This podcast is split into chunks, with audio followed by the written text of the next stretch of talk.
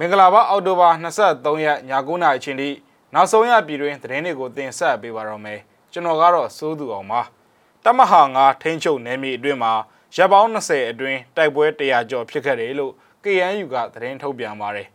ဒဂုံမြို့သစ်တောင်ပိုင်းမြို့နယ်ကအေယာဝန်ရဲစခန်းနာဘုံပေါက်ကွဲမှုဖြစ်ပွားခဲ့ပါတယ်မန္တလေးမှာတော့စစ်ကောင်စီတပ်ဘုံခွဲတက်ခိုက်ခံရလို့၃ယောက်ဒဏ်ရာပြင်းပြင်းထန်ထန်ရရှိသွားပါတယ် မိုးညိုမြို့နယ်ကရွာတရွာမှာမီတာကမပေးဆောင်တဲ့အတွက်တရွာလုံးမီးဖြတ်ခံလိုက်ရပါတယ်မြန်မာနိုင်ငံမှာအမျိုးသမီးအခွင့်အရေးချိုးဖောက်မှုတွေရှိနေတယ်လို့ကုလအကြီးအကဲကပြောဆိုလိုက်ပါတယ်ဒီအကြောင်းတွေပါဝင်တဲ့နောက်ဆုံးရပြည်တွင်းနဲ့နိုင်ငံတကာသတင်းတွေကိုတင်ဆက်ပေးပါတော့မယ်ရန်ကုန်တိုင်းဒေသကြီးတကုံမြို့သစ်တောင်ပိုင်းမြို့နယ်မှာရှိတဲ့အေယာဝန်ရဲစခန်းနာမှာဒီကနေ့နေ့လယ်ပိုင်းကဖောက်ခွဲတိုက်ခိုက်မှုတစ်ခုပြုလုပ်ရာ ရဲတယောက်ဒဏ်ရာရရှိသွားကြောင်းပျောက်ကြားတပ်ဖွဲ့ကပြောပါတယ်။တကုံမြို့သစ်တောင်ပိုင်း20ရက်ကွက်ဂျိုးဖြူလမ်းနဲ့မောင်မကန်လမ်းနောက်မှာရှိတဲ့တောင်တကုံအေယာဝန်ရဲစခန်းနာမှာအာနာသိန်းစန့်ကျင်ရေးနဲ့ပြည်သူ့လွတ်မြောက်ရေးအဖွဲ့ ACPLF ကလှုပ်ဆောင်ခဲ့တာလို့ဆိုပါတယ်။အဓိကကရဲစခန်းကိုပြစ်မှတ်ထားဖောက်ခွဲတာပစ္စည်းကရဲစခန်းနဲ့စခန်းအနောက်ကကြက်ချံအကြားတောင်းမှချတာစုစုပေါင်းက3လုံး အတန်ပုံးနှလုံးမှာတစ်လုံးပဲကွဲတယ်လူကိုထိခိုက်စေတဲ့မိုင်းတစ်လုံးလည်းကွဲတယ်လို့အဆိုပါအဖွဲ့တာဝန်ရှိတဲ့သူကပြောပါတယ်။ပောက်ကွဲမှုကြောင့်ရဲတပ်ဖွဲ့ဝင်တယောက်ပြင်းထန်ဒဏ်ရာရရှိသွားကြောင်းသိရပါတယ်။ရဲစခန်းနဲ့ပေ80လောက်ကွာဝေးတဲ့ကြက်ချံမှာပောက်ကွဲခဲ့တာဖြစ်ပြီးရဲလိုင်းကနဲ့ပေ90ခန့်အကွာကနေရာမှာလို့လည်းသိရပါတယ်ခင်ဗျာ။ကရင်အမျိုးသားအစည်းအရုံးတမဟာ9နယ်မြေထဲမှာ ရပ်ပေါင်း20အတွင်းတိုက်ပွဲ100ကျော်ဖြစ်ပြီးစစ်ကောင်စီဘက်က60နီးပါးသေဆုံးခဲ့တယ်လို့ကရင်အမျိုးသားအစည်းအရုံး KNU ကသတင်းထုတ်ပြန်ပါတယ်။အချမ်းဘတ်စစ်ကောင်စီတပ် BGF ပူးပေါင်းတပ်ဖွဲ့ကလူအခွင့်အရေးချိုးဖောက်မှုတွေဇက်တိုက်ပြုလုပ်နေတာကြောင့်အောက်တိုဘာ၁ရက်ကနေ20ရက်နေ့အတွင်းမူတရော်ခရိုင်ထဲက KNL KNDO တို့နဲ့လူတော်ဘူးသူဒွယ်လုံးမျိုးနယ်တွေမှာတိုက်ပွဲနေစဉ်ဖြစ်ပွားခဲ့ရတာပါ အဆိုပါတိုက်ပွဲပေါင်း123ကြိမ်အတွင်းစစ်ကောင်စီဘက်ကဒုဗိုလ်မှူးကြီးတူဗိုလ်ကြီး2ယောက်အပါအဝင်58ယောက်တေဆုံးခဲ့က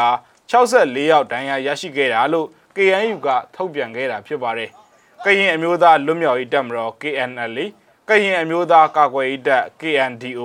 ဒိုးဘက်ကနေ9ယောက်ထိခိုက်ဒဏ်ရာရရှိသွားတယ်လို့လည်းထုတ်ပြန်ချက်မှာဖော်ပြထားပါတယ်။ဒါအပြင်မှာတိုက်ပွဲဖြစ်ရာမြို့နယ်တွေက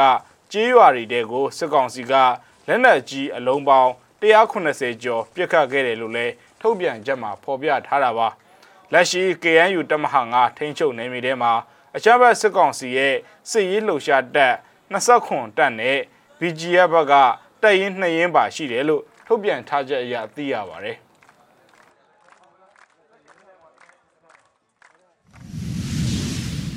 မန္တလေးမြို့သစ်မြရီနန္နာအိမ်ဟာအနီး မြရီနန္နာဘောလုံးကွင်းထဲမှာတပ်ဆွဲထားတဲ့စစ်ကောင်စီတပ်ဖွဲ့ဒီကနေ့မနက်ပိုင်းက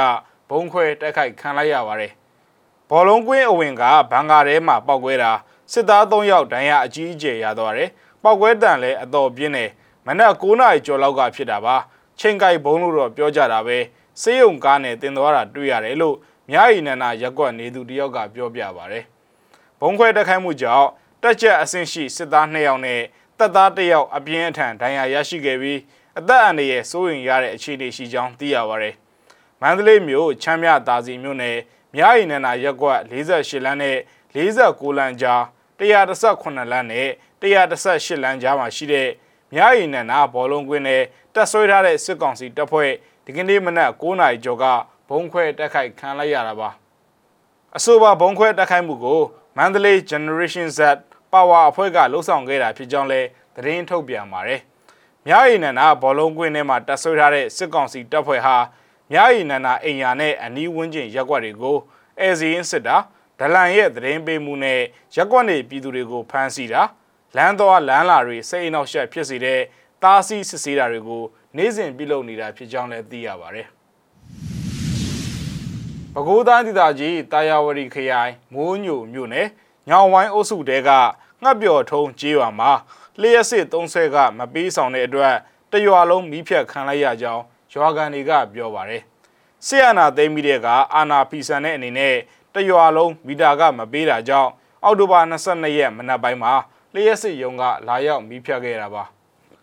သူတို့အာနာသိမ့်ပြီးတဲ့ကမိသားကမပေးဘူးလေအခုဆိုရင်6လရှိပြီလာဆောင်ဖို့ပြောပေမဲ့တရွာလုံးကမပေးဘူးအခုမိဖြတ်ခံရတယ် အဲ့ဒီတော့ဒီနေ့တရွာလုံးစုပြီးအစည်းအဝေးထိုင်မယ်ဘာဆက်လုပ်ကြမလဲဆိုတာတိုင်ပင်တာပေါ့လို့အမိမဖော်လို့သူရွာကန်တယောက်ကပြောပြပါဗျငှက်ပြော်ထုံးကြီးရွာမှာအင်ဂျီ900ကျော်ရှိပြီးအင်ဂျီ600လောက်ကလျှက်စင်ပြီးသုံးဆွဲနေကြတာလည်းဖြစ်ပါတယ်ခင်ဗျဆက်လက်ပြီးတော့နိုင်ငံတကာသတင်းတွေဘက်ကိုတွားရအောင်ပါ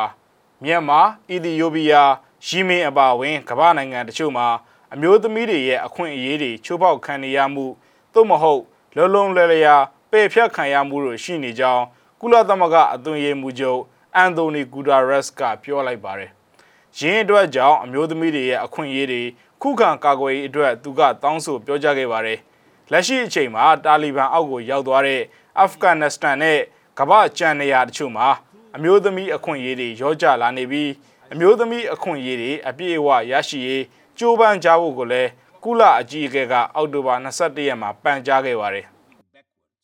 အမျိုးသမီးတွေဟာသူတို့ရဲ့အခွင့်အရေးတွေပယ်ဖြတ်ခံရတာကိုလက်ခံကြတော့မှာမဟုတ်ပါဘူးပရိပခတွေရှိနေတဲ့နိုင်ငံတွေဒါမှမဟုတ်တခြားနိုင်ငံတွေမှာဒီလိုမျိုးအခွင့်အရေးတွေပယ်ဖြတ်ခံရတာကိုသူတို့လက်သင့်မခံပါဘူးလို့၎င်းကပြောပါတယ်မာလီနိုင်ငံမှာဆိုရင်6လအတွင်းအာဏာသိမ်းမှုနှစ်ကြိမ်ဖြစ်ပြီးတဲ့နောက်အမျိုးသမီးတွေရဲ့အခွင့်အရေးအတွက်နေရာဟာကျုံဝင်သွားရုံသာမက ပိတ်ပါပိတ်သွားနေပြီလို့သူကပြောပါတယ်အာဖဂန်နစ္စတန်နိုင်ငံမှာဆိုရင်လည်းအမျိုးသမီးတွေမိန်းကလေးတွေသူတို့ပြီးခဲ့တဲ့ဆယ်စုနှစ်အတွင်းရရှိထားတဲ့အခွင့်အရေးတွေအလင်းအမြန်ပယ်ဖြတ်ခံရတာကိုကြုံတွေ့နေရတယ်။စာသင်ခန်းထဲမှာထိုင်ဖို့အခွင့်အရေးအပါဝင်ပေါ်လို့သူကပြောပါတယ်။ရင်းနိုင်ငံမှာဩဂတ်စ်လကုန်ပိုင်းကတရက်သေးဆွဲကင်တဲ့တာလီဘန်တို့ထိန်းချုပ်ခဲ့ပြီးတဲ့နောက်အလဲတန်းကျောင်းတွေမှာမိန်းကလေးတွေကိုကျောင်းပြန်တက်ခွင့်မပေးဘဲ ဖဲချန်ထားခဲ့သလိုယောက်ျားလေးတွေကိုသာစာသင်ခန်းထဲပြန်ဝင်ခွင့်ပေးထားပါတယ်ခင်ဗျာ